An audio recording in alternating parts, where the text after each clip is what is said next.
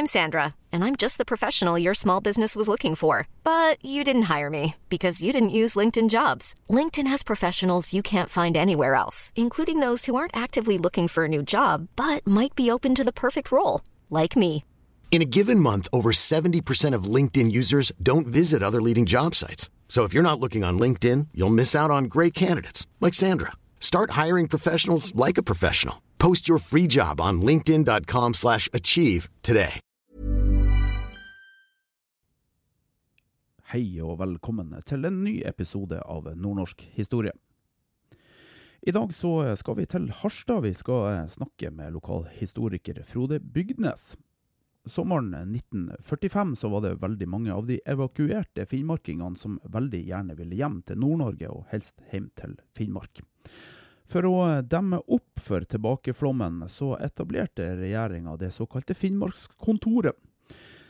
Og eh, det ble etablert i Harstad, og det, her ble det også etablert en eh, leir for finnmarkingene som ville tilbake. Så dette er historien om Trondenes leir.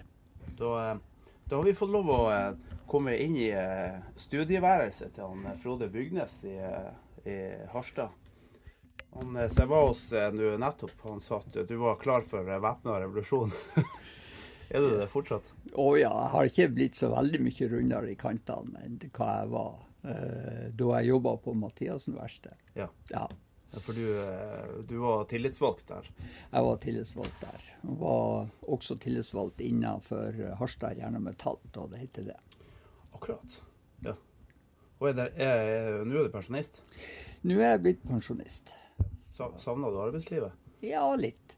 Ja. Det gjorde jeg allerede da jeg verkstedet ble slått konkurs og jeg begynte som lærer på Stangnes. Da uh, var jo det for så vidt en flott jobb jeg kom til, men uh, dette å lage ting og det på, som man gjorde på Mathiassen-verkstedet, det, det savner jeg ennå den dag i dag. Ja. For eh, Harstad har en veldig sterk maritim historie som blir, litt sånn, blir nesten litt glemt. Altså. Sånn, over 1000 år med maritim historie. Ja da, vi, vi har det, men det er jo først og fremst fra den tida eh, Harstad Mekanisk Verksted ble etablert i 1895. Ja. Da var det service for den kommende dampflåten som kom oppover hit til langs kysten. Egentlig postruta, statens postrute. Og da ble det laga til et sånn serviceverksted fordi at eh, eh, han Kolbø hadde ordna til kai, eh, så båtene kunne legge åt her. Faktisk den første kaia i Nord-Norge. Oh, ja. Ja, eh, Hammerfest hadde ei steinvor der oppe, men vi hadde trekai. OK. Ja. Men hva, hva var um, For vi skal jo snakke om Trondenes leir, så det er kanskje kanskje naturlig å snakke litt uh, om det samfunnet som var her, kanskje allerede litt før krigen. Ja, men, men du kan si at eh, da krigen var over, da var jo egentlig Harstad en uh, garnisonsby av tyskerne. Eh, og de ble jo ikke sendt hjem med en gang heller. Uh, det var jo en stund før de ble sendt hjem. De var faktisk ikke avvæpna i maidagene i 45 en gang. Og ser du det? så de festa og herja, og bl.a. Folkehøgskolen brann jo ut av en av de her festene de hadde. De På Trondenes? På? Trondenes. Oh, ja. Og eh, det var eh, Også russefangene var igjen på Trondenes til langt ut, og langt ut på sommeren. Oh, ja. Før de ble sendt tilbake. Og ja. det, det var jo de sjøl som laga den minnestøtta som står der ute. Eh, men eh, eh, det som var at Sians hær var administrasjon til tyskerne, så ville den norske regjeringa bruke Harstad til base for å bygge opp igjen Finnmark. ja det berykta Harstad-kontoret. Hata og elska. Riktig. Finnmarkskontoret ble lagt til Harstad. Ja. Men det største problemet de hadde først, det var at eh, Finnmark var minelagt både på land og eh, på, på, eh, i fjordene. Sånn at det var uforsvarlig å reise oppover. Ja.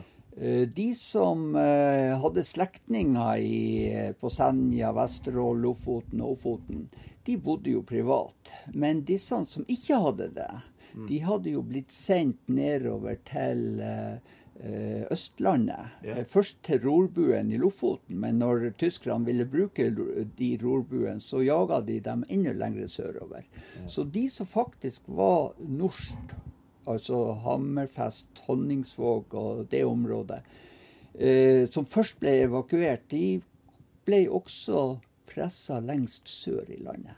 Okay. Og eh, derfor så fikk du også den største kulturkollisjonen eh, mellom eh, den eh, østnorske befolkninga og disse nordlendingene som kom nedover her.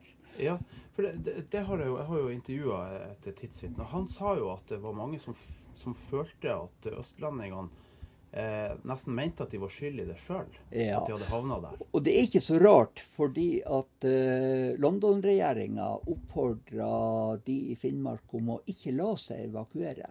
Ja. Og, og det, det prøvde de jo på. Ja, men det var jo håpløst. Og eh, når da de ble frakta nedover, så var det NS som sto for innkvarteret dem rundt omkring.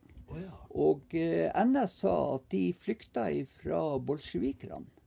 Eh, de sa ikke at de brente Finnmark og. Eh, at det var tvangsevakuering. Det var russerne som fikk skylda? Det var det. Igjen. Ja, og dermed så, så, gikk jo mange der og skula litt på disse finnmarkingene som kom nedover. Mm. Og eh, det var nå det ene forholdet. Det kan godt hende at de fikk forklart seg av det. Men når krigen var over, så var hele landet utarma. Mm. Og da var jo situasjonen litt den at disse som eh, eh, hadde fått noen ekstra munner mette inn i husene, ja. de ønska jo å få dem ut. Ja. ja. Og da eh, bruker du en del eh, mobbeeffekter for å få dem til å reise. Ja. Så det var altså sånn stor retrett etter krigen. Eh, mange Altså det var både en push og en pull-effekt. Mange ville nordover for å sikre sine interesser der uh, de var jaga ifra. De ville hjem òg? Ja. ja. Det ville mange.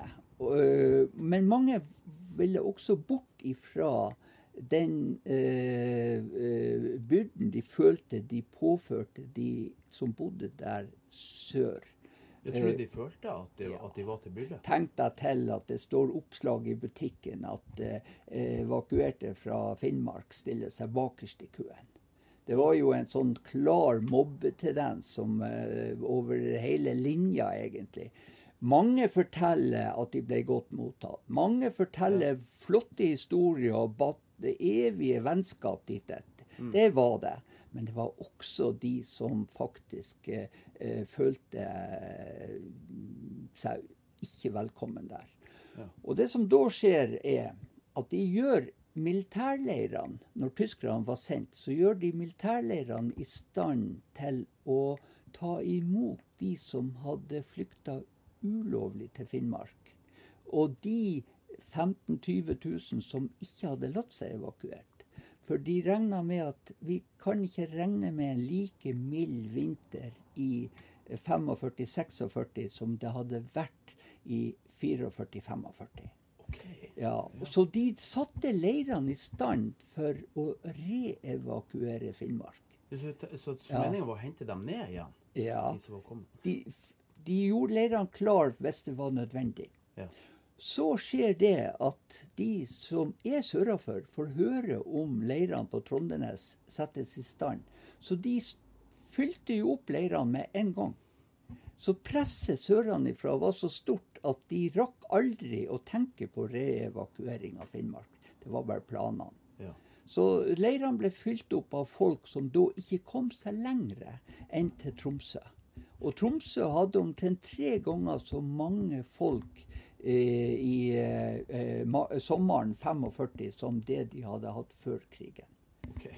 Og det gjorde også at det var så vanskelig for de statsansatte eh, som da de ville ha nordover. Så det var også et argument til at eh, Harstad ble satt i stand til å ta imot Finnmarkskontoret. Ja. Så de brukte den tyske leiren på Sama som innkvartering for de som jobba på Finnmarkskontoret. Og de brukte leiren på Trondenes til å innkvartere de, de som var tvangsevakuert. Ok. Du, hvor, hvor, hvor, mange var det som, som kom nordover med, med, en gang de fikk lov, som dro tilbake eller stranda her? Eller? Veldig mange. veldig mange. Uh, vi regna faktisk med at 20 000 tok seg ulovlig inn i Finnmark og Nord-Troms. Det var relativt ufarlig for de i Nord-Troms, for de hadde kort retrett.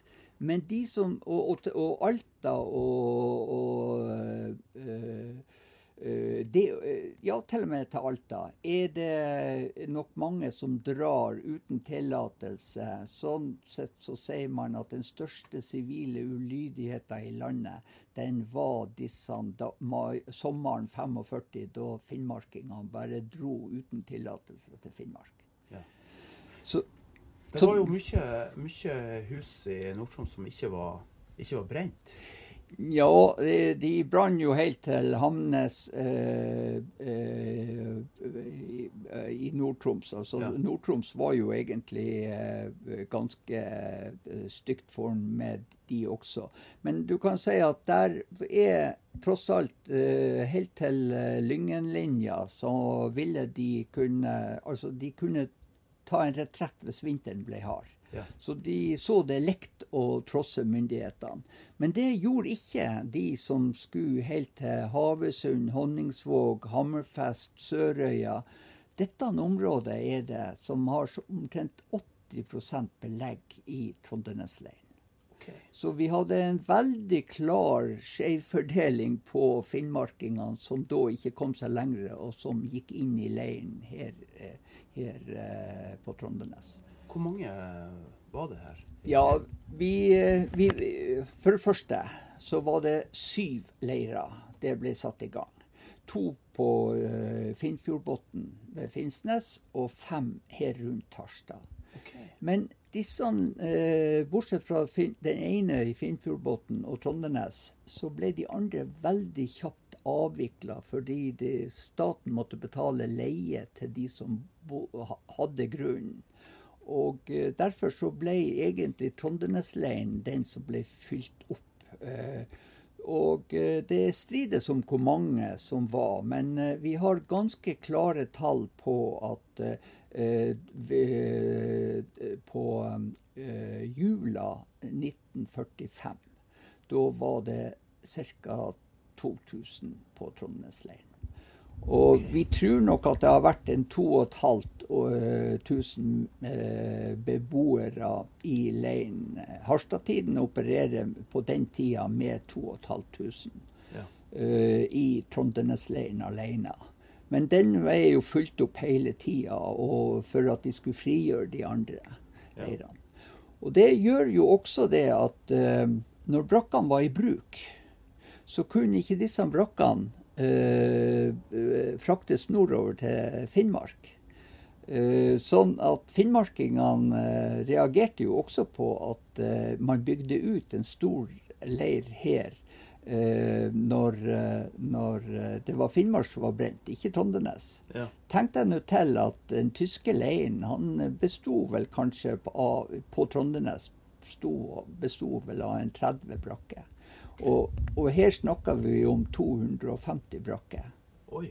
Ja, så den, de, det var nok litt grann at de flytta brakker fra de andre leirene eh, inn til Trondenes. For en del av kursene som var på Trondenes, det var dette å demontere riktig og reise brakken på nytt. Det var en del av undervisninga som var for de som skulle bli snekkerkyndig og dra oppover til Finnmark. Ja, så det, så, så, så det, var rett og slett eh, De hadde rett og slett skole på De hadde eh, den, Finnmarks folkeskole var på, eh, på eh, Trondenes. Ja. Og eh, der var det eh, på det meste 200 unger.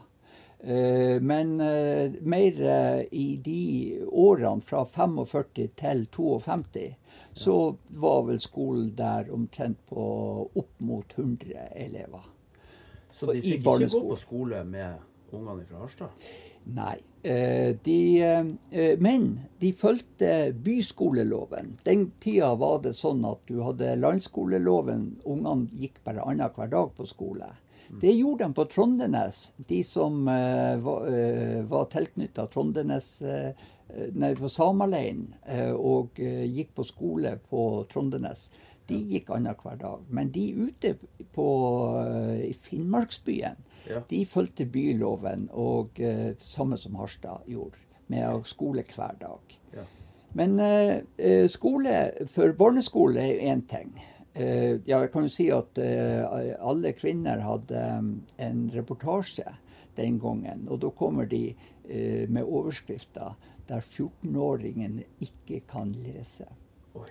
Eh, det er klart, det var ikke så mange som kunne lese det. I fem årene krigen hadde vart, så, eh, så eh, var denne 14-åringen bare ni år, ikke sant? Ja, ja. Ja, og den, det var sånn og, og, mange plasser i landet at, at lesekyndighetene ikke var så store. Så det, var, det er en litt sånn ufin oppslag som, som kom. Men det jeg skal si om, om skole og det Det var like mange som gikk kurs, altså arbeidskurs, uh, yrkeskurs. Uh, de var jo kanskje av en, noen måneders varighet bare. Men der var det snekkerkurs, der var skomakerkurs, der var veving, søm og husflid.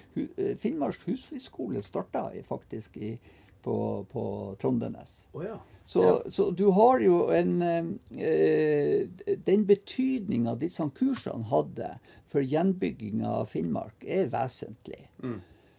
Og det er litt interessant. Nå nådde jo vi mest bare tidsvitner i dette prosjektet som var unger den tida. Ja. Og de husker etter tida i Trondenesleiren som eh, fin. De, de, de, de, minnes det som eh, ei flott tid. Ja. Eh, men hvis du ser nå i barneboka til, eh, til Hagerupsen, den Sofie og Katrine, den serien, okay. så, så, skriver hun jo at For de bodde oppe i Samaleiren. Eh, at eh, det som var det store traumatiske, det var jo å komme nordover til branntomta. Mm. Uh, og da var de alene. Men her hadde de jo folk og unger som var i samme situasjon som dem. Ja. Så, så, sånn sett så var nok opplevelsen her eh, for finnmarkingene langt på vei positiv for de som var unger. Ja. Men de voksne, hvordan hadde de det? Da gikk vi i Riksarkivet og leita litt på det. Og det vi fant på Riksarkivet, var egentlig eh, overraskende. Eh, det var eh, Det var jo slik at både i leiren og på eh, Finnmarkskontoret, som begge var statlige institusjoner flytta ut hit, de overtok det tyske systemet med kontrollbok. De overtok eh, det, det, som hadde vært som grensebevis, ble altså nå eh, brukt av nordmenn fordi de ikke fikk den norske regjeringa fordi de ikke fikk lov til å, å dra nordover.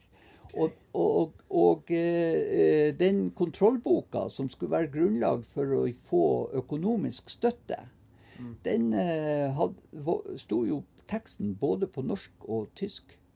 Ja, for den var jo overtatt av tyskerne. Ja. Og det er klart at de følte seg eh, Følte seg som fanger? De følte at eh, nordmenn overtok det tyske systemet og eh, drev den samme kustusten og det samme regimet. Ja, Var det type oppstilling og sånn? Nei, det var det ikke. Men ikke sant, de opplevde jo det. Og når de da sleit med å få støtte, og ble sendt fra kontor til kontor for å få støtte eller få hjelp med koll eller sånne ting. Mm. Da er det du finner fra enslige mødre med noen unge, med ungdommer med seg. De sier det at eh, eh hold våre myndigheter på å gjøre det tyskerne ikke klarte, og utrydde oss. Så sterkt språk bruker, eh, finner du i brevene nede på Riksarkivet. Ok. Og, og da, når jeg viste dette til noen av disse som var unger, så eh, var det nesten med tårer i øynene at de sa at nå skjønner de hvor foreldrene hadde beskytta de ungene som var i leiren. Holdt motet oppe Ja, til, til de ja. ungene, og Ja. selvfølgelig fremtida. For, Ja visst. Ja. Så det, det, det er jo sterke deler av den historien. Du, tror du eh, eh, Det er jo selvfølgelig rette mann å spørre, men tror du at eh, For, vi, vi vet jo at det var politisk eh, at det var politisk forfølgelse både under og etter krigen på, på, av finnmarkinger. Tror du at det var en politisk kontroll allerede i de her leirene? Å ja da, det er helt klart. Helt klart at det var det. Ja. Uh, vi finner lite ut av det, for den del vil du ikke finne i Riksarkivet og, og, og sånne ting. Men uh, uh, vi ser det jo på andre sider i denne byen her, med hvordan de kontrollerte hvem som skulle få lov, lov til å dra og ta seg arbeid på Svalbard. Eh, rekrutteringskontoret her nede ja. var veldig klar på å holde kommunistene unna.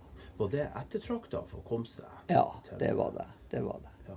Tror, du, tror du at, eh, at de, eh, ja, særlig de fra Øst-Finnmark, at, at, at der var en sterkere sosialistdragning enn i resten av landet? Jo, det tror jeg nok, men du kan si at vi kommer ikke så mye bort i det. Fordi at uh, de som uh, ikke ble evakuert i, fra uh, Finnmark eh, under krigen av tyskerne, som klarte å komme seg på, på bak russerne sin linje, Ja.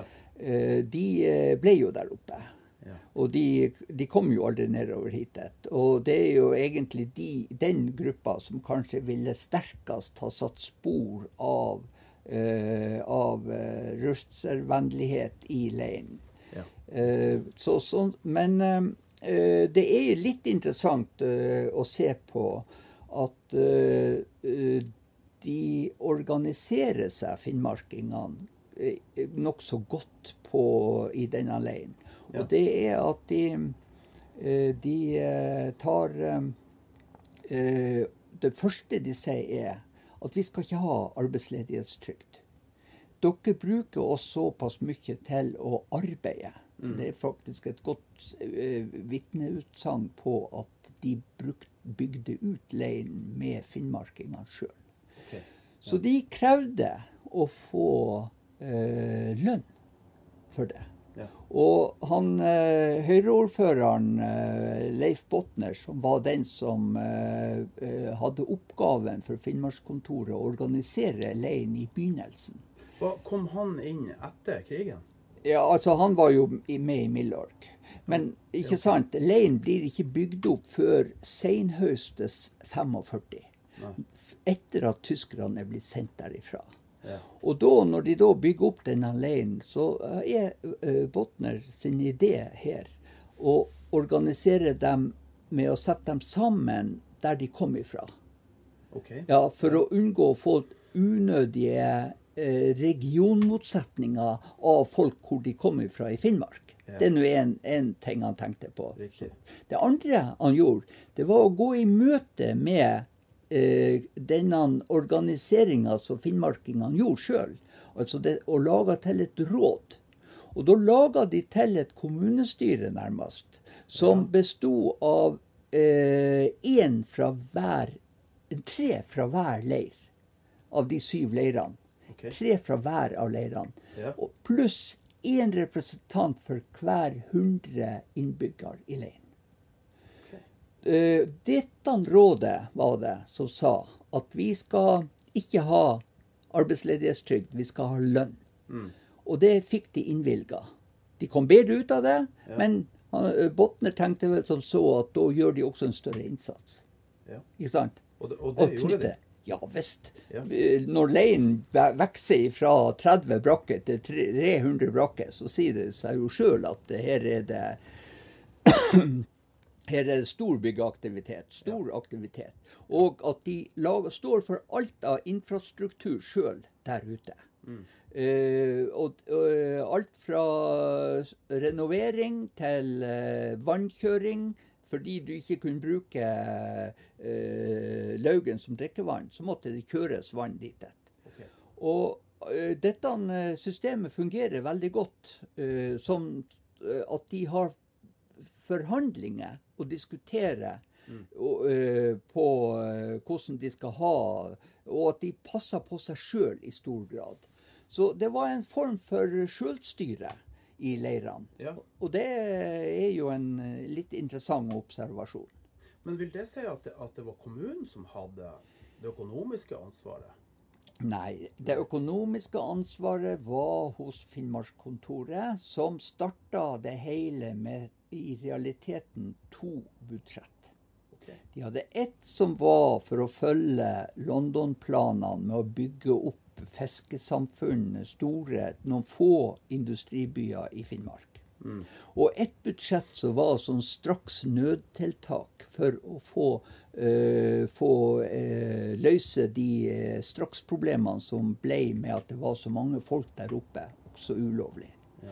Og det som eh, skjer er at på Finnmarkskontoret, er at de sprenger det budsjettet for strakstiltak. Og må overføre penger fra det langsiktige til strakstiltakene. Litt heldigvis, kanskje. Heldigvis. Men jeg tror heller ikke det hadde skjedd hvis ikke de hadde flytta eh, Finnmarkskontoret ut fra Oslo og plassert det i Harstad.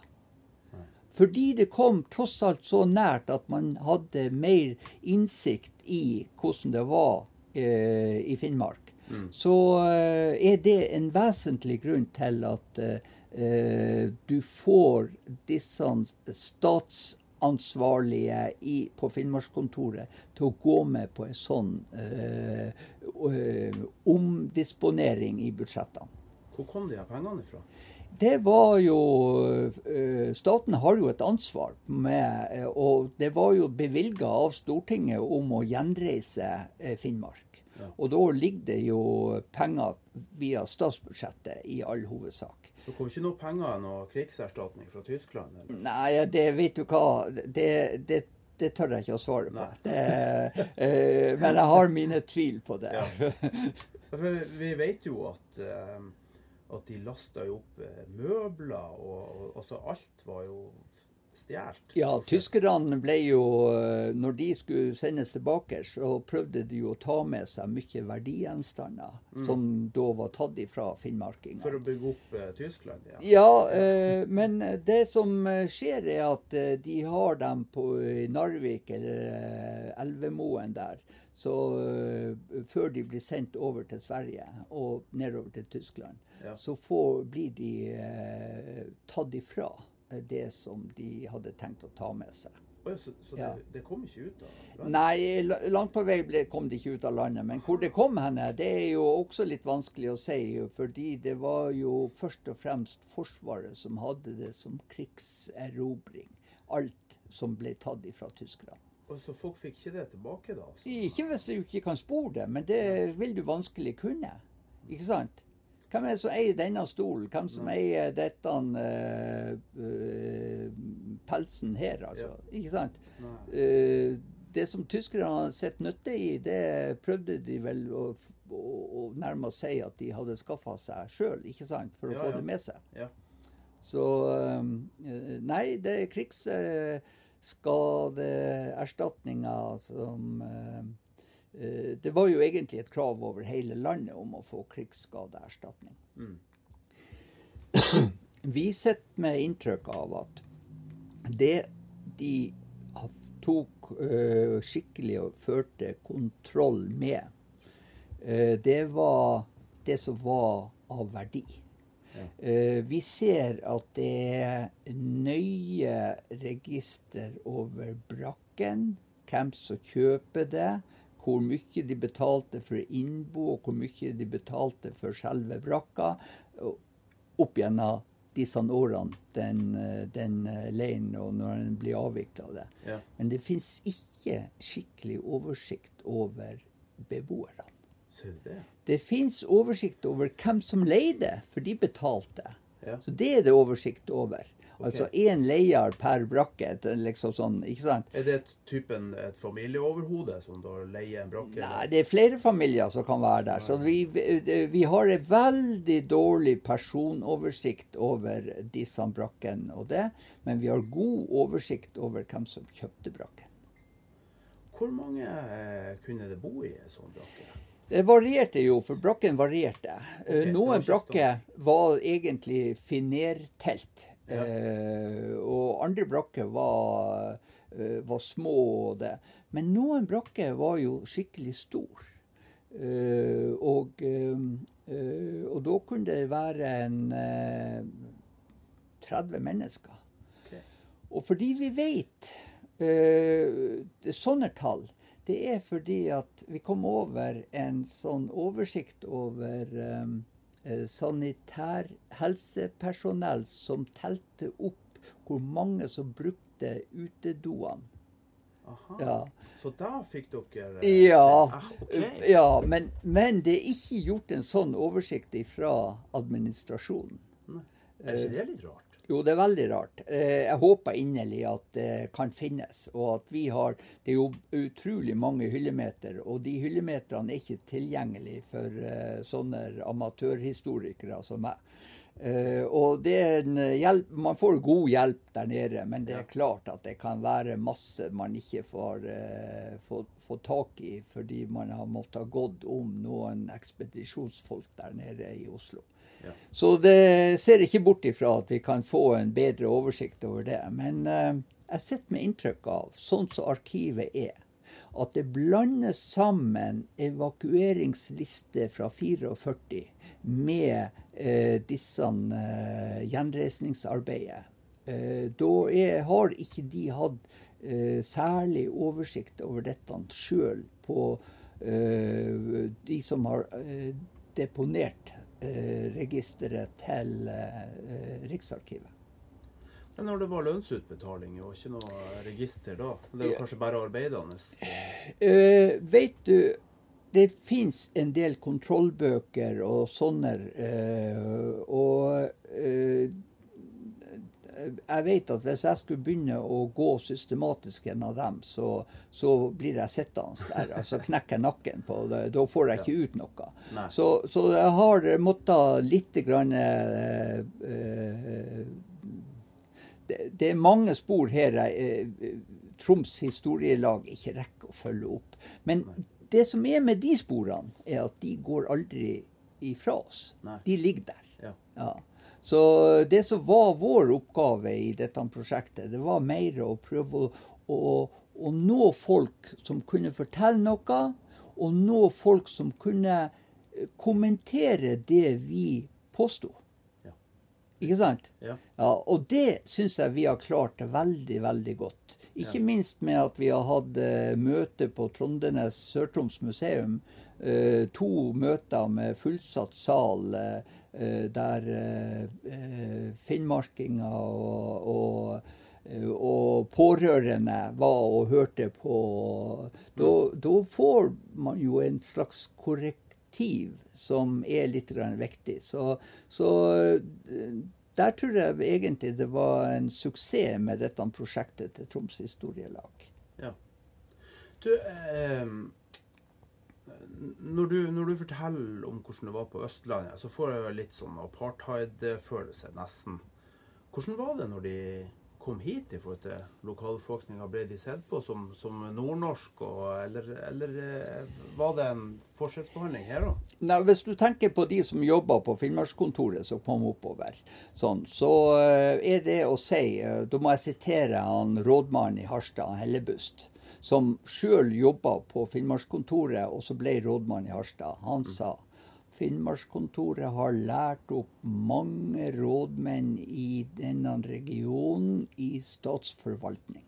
Og det har vært en styrke for denne regionen. Okay. Ja. Eh, og etter hvert så ble mange eh, Det var vanskelig for dem i Oslo å rekruttere til Finnmarkskontoret for å få dem til komme nordover og bosette seg her. Da var det lettere å rekruttere lokalt. Så, sånn sett så fungerte egentlig den utplasseringa der til at uh, vi fikk en, uh, eh, en kunnskapsoppbygging i vårt område som var helt eh, vesentlig og viktig for Harstad sin, sin del. Og nabokommunene rundt. Ja. Men uh, når det gjelder sånn, sånn på, på, den kulturkollisjonen som var på Som kom spesielt med at de lengst nordfra kom lengst sør, mm. så er det ikke så u... Det henger sammen med begrepet gokk, som kom ja. i militæret på de guttene som skulle nordover at det er et samisk ord for langt vekk. Ja. ja. Og det, det, er nok naturlig å tro at uh, en del av uh, den mobbinga som var av nordlendinger på Østlandet, var et resultat av denne kulturkollisjonen. For østlendingene så ikke spesielt uh, forskjell på, på samer, kvener og nordmenn bare at de kom her nordfra alle sammen. Ja.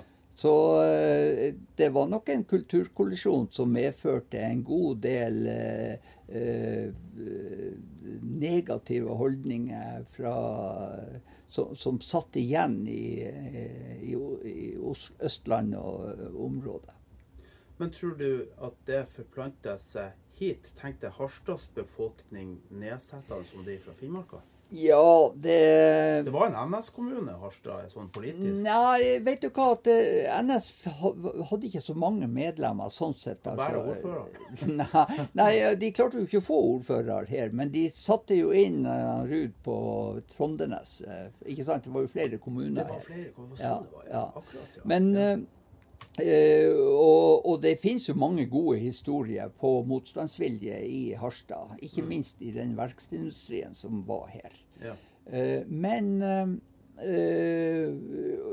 og, og, du skal òg vite det at etter krigen så hadde jo Harstad NKP-ordfører òg.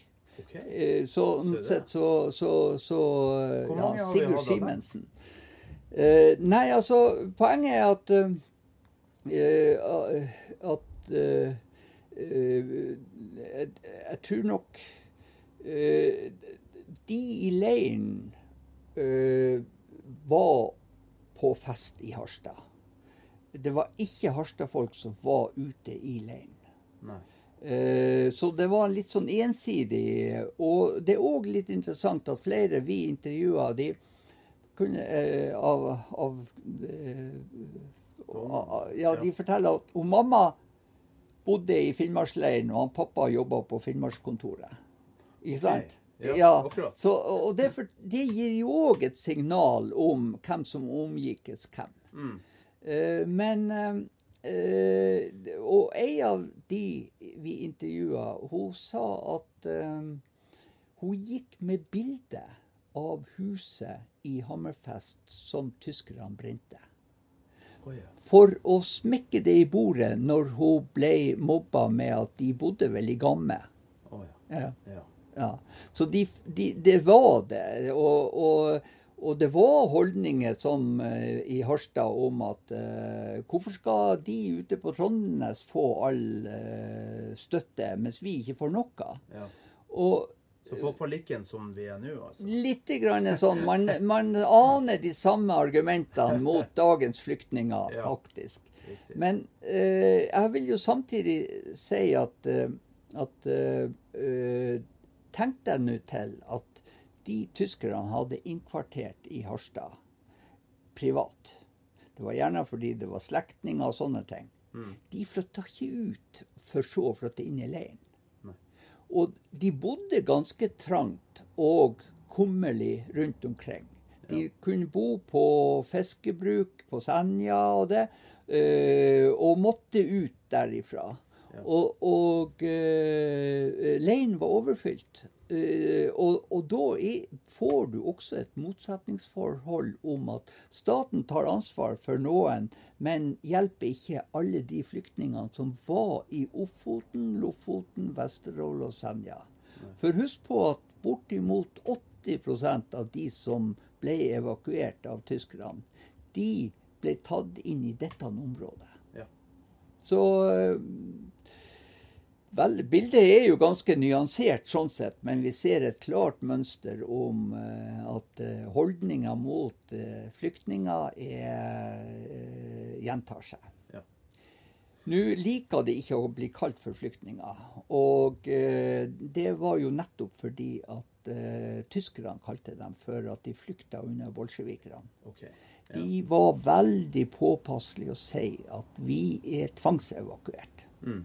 Og eh, Derfor så prøver jeg av og til å være litt sånn lojal mot dem og bruke det. Men, men, samtidig så må man ikke forveksle med at når de var her, så var de ikke evakuert fra Finnmark, de var på tur hjem. Mm. Og det er to vidt forskjellige situasjoner som var under evakueringa og under gjenreisninga. Ja, helt klart. Men eh, samtidig så ser vi jo eh, jeg er jo fra Andøya, og vi har jo mange historier både om eh, at, de kom, men og, og, veldig mange som ikke dro. De ble værende.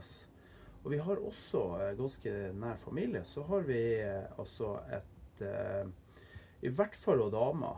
Hun har vært her på Trondenes, og så flytta hun utover til Andøya. en gang kanskje på slutten av 40-tallet, vil jeg tro. og blir værende ut, ut livet, faktisk. Mm. Eh, min påstand er jo at Harstad fikk eh, mye positive ringvirkninger av denne Finnmarksleiren. Ja. Ikke minst det at du fikk bygd opp en hel ny bydel som i dag heter Hagebyen. Okay. Ja, Der var det utmark før krigen. Det som skjer, er at tyskerne hadde begynt med noen brakker der. Dette var eh, Staten måtte betale eh, eh, leie til grunneiere som var Holst og Sogge og diverse Harstad-folk. Mm. Så de avvikla det, men da ser de muligheten av å etablere seg der. Og når leiren er, er Det bor ganske mange folk der da det ble overlatt til Finnmark i 1950. Eh, det bor ennå utover de 52 før de får avvikla liksom leiren. Så bor folk til 52? Ja. ja for jeg tror det er 52 at, det, at hun dama kommer til Faktisk er at enkelte bodde enda lenger. Men, men leiren sier vi opphørte i 52. Ja. ja men uh, det som er at da var jo gjenreisninga kommet så langt i Finnmark at du kunne ikke dra oppover til noe slags eh, eh, uberørt område. Altså, alt var jo tatt i bruk. Og, og, og, det som er at dette er en generasjon som da ikke var inngått noe ekteskap de fem årene tyskerne hadde herja. Sånn, det, det, var jo krigssituasjon. Sånn sett så får du faktisk veldig mange som skape familie på denne tida i 45-46 og utover. Ja. Og da gror de også røtter og får tross alt litt kontakt av det. Mm. Sånn sett så blir det til at de heller finner ut at de skal etablere seg her i Harstad. Ja. Så vi får jo veldig mange av de som ikke dro nordover, som, som grodde bånd, eh, røtter, her i området. De mm. slår seg jo ned her. Ja. Så vi får jo en voldsom øking eh, av, folketallet. av, folketallet. Vet du hvor mye? Nei. Hvor mange var som bodde i Harstad før krigen? Ja, Før krigen så bodde det 4500 i Harstad, men det var i, bare i Harstad. Du ja. får jo Trondenes og uh, Sandtorg i tillegg. Ja. Uh, men det som er at uh, når vi da snakker om 2500 i Finnmarksbyen. Men det er Harstad sin handelsstand som forsyner den ja. leiren. Ja. Ja, så Da betyr jo det en enorm økning i omsetninga lokalt. Ja. og den, eh, det er jo også med på å bygge opp. Eh, eh, men når Finnmarkskontoret også er her, så, så, blir det jo ei belastning å bare ha disse skjemaene fra tyskerne. Så ja. de er med på å støtte uh, trykkeri her i Harstad. Okay. Og får da etablert et trykkeri som var, helt nettopp er lagt ned. Eh, som da var uh, laga alle de nye plansjene og eh, skjemaene som skulle fylles ut for Finnmarkskontoret. Ja. Eh, og eh, elektrofirmaet her i Harstad fikk jo oppdraget med å bygge opp igjen linjenettet i Finnmark. Okay. Ikke sant? Du får jo en ganske mye eh, ringvirkninger av den at gjenoppbygginga ble leda fra Harstad. Ja, Riktig.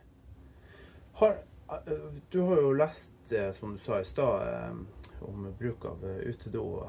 Eh, Har du noe inntrykk av eh, hvordan er helsesituasjonen i leiren?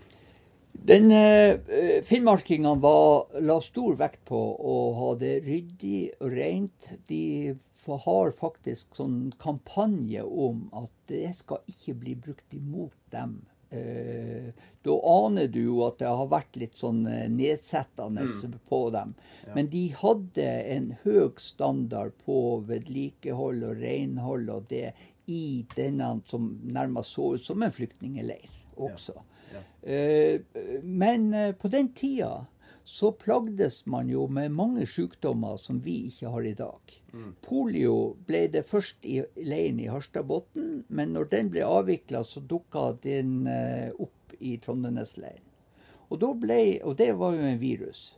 Eh, og da ble leiren stengt i 14 dager, tre uker, der ikke noen fikk lov å forlate leiren. Altså, de ble stengt inne med viruset? Ja, de ble rett og slett eh, Altså, det var det, det, Først og fremst så var det jo forbud mot å dra til Finnmark. Eh, fordi det ikke var noe helsesituasjon i Finnmark. Ja. Eh, og, eh, eh, og den eh, Ja, mens selve behandlinga, den ble gjort på sykehuset her i Harstad. Men de hadde sykehus i leiren. Eh, de hadde gamlehjem i leiren. De hadde, syk, eh, de, de hadde to gamlehjem. To av brakkene inne på militært område ble brukt til gamlehjem. Mm. Og det var et gamlehjem ikke bare for leiren, men for hele Finnmark. Eh, det var nemlig sånn at, at et eldre ektepar på rundt 80 år, par og 80 år, ble stoppa i Tromsø og sa de fikk ikke lov å reise, for det var uforsvarlig. Så de ble i stedet for sendt til dette gamlehjemmet på Trondenes. OK. Hva de syns om det sjøl? Nei, det vet vi ikke, men vi vet at de ble stoppa. Og det, de var med Hurtigruta og ville nordover, men fikk ikke komme lenger. Nei. Eh, Så det ble jo gjort sånn siling også av myndighetene, tross alt. Men, men vil det si at man, at man på en måte mista den her eldre generasjonen? For jeg vet jo at det var mange som døde under evakueringa, og det var, var røft. Ja, Mista vi en uh... Ja da, det er klart det. Det er klart det. At den uh, Var du eh, eh, 70 år og oppover, så var du jo ikke så attraktiv til å komme oppover. Men det som var at eh, den generasjonen som bygde opp igjen, de tok jo også ansvar for sine nærmeste. Så det var noe det Du kunne nok finne eldre Ja. nordafor. Men, eh, men eh, jeg tror nok at den hardeste eh, røynsla av de eldre, den var under selve evakueringa. For tyskerne så jo, tok jo livet av folk for, som den letteste løsninga på alle problem som oppsto. Ja. Du, nå er- går vi på, mot slutten av, av programmet. Det går fort, det tida. Jeg, jeg lurer jo på For når jeg vokste opp, så var jo Finnmarkskontoret, eller vi kalte det bare for Harstadkontoret, det hadde veldig dårlig rykte. Men, men er det, er, har de et ufortjent dårlig rykte? Eh, Både òg. Helt klart at eh, når du overtar det tyske eh, systemet og, eh, Men de hadde vel knapt nok andre muligheter for å kunne holde et system i, oppe og gå i det hele tatt, enn å bare overta det tyske systemet. Ja. Men eh, jeg tror at eh, det var ei løkke at dette kontoret ble flytta ut av Oslo. Hadde det vært i Oslo, så hadde du fått en helt annen holdning. Ja. Og det var ikke mulig å flytte det lengre nord enn Harstad.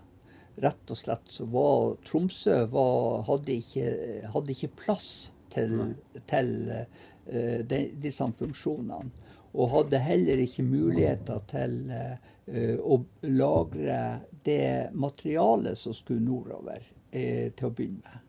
Og så, så, så, sånn sett så, så uh, vil jeg jo si at uh, jeg tror de gjorde så godt de kunne. Men vi skal òg vite det, det, litt, det må nærmest tas med i historien. At kvekerne, som er religiøs sekt, mm. pasifistisk sekt, står sterkt i Sverige, Danmark, England, USA og Norge de kom, eh, eh, kom eh, hitet på frivillig for å hjelpe. De betrakta at den arktiske vinteren her nord var verre på et krigsherja land enn i Europa.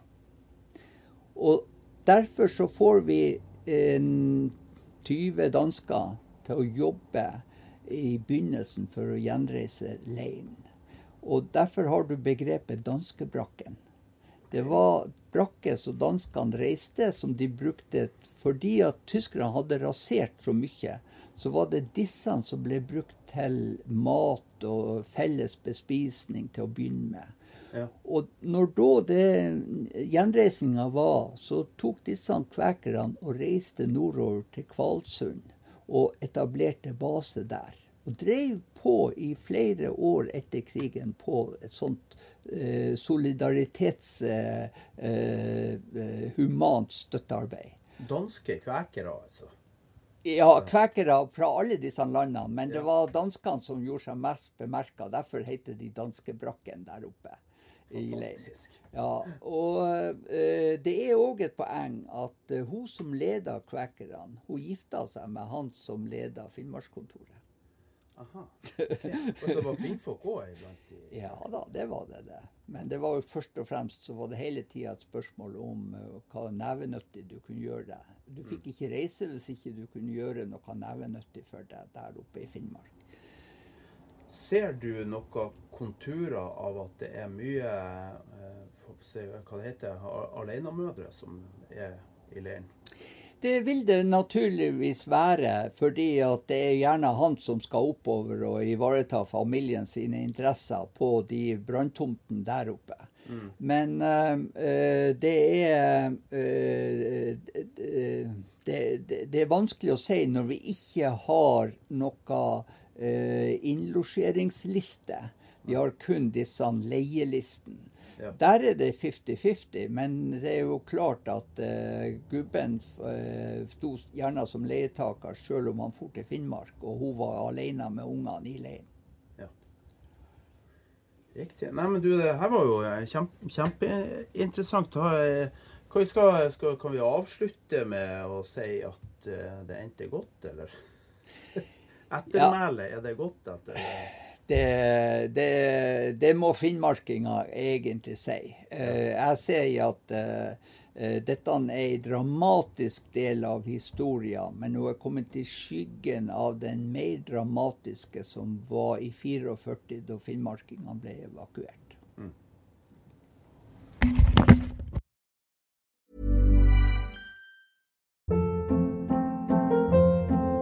Hold up. What was that? Boring. No flavor. That was as bad as those leftovers you ate all week. Kiki Palmer here, and it's time to say hello to something fresh and guilt-free. Hello Fresh. Jazz up dinner with pecan-crusted chicken or garlic butter shrimp scampi. Now that's music to my mouth. Hello Fresh. Let's get this dinner party started. Discover all the delicious possibilities at hellofresh.com.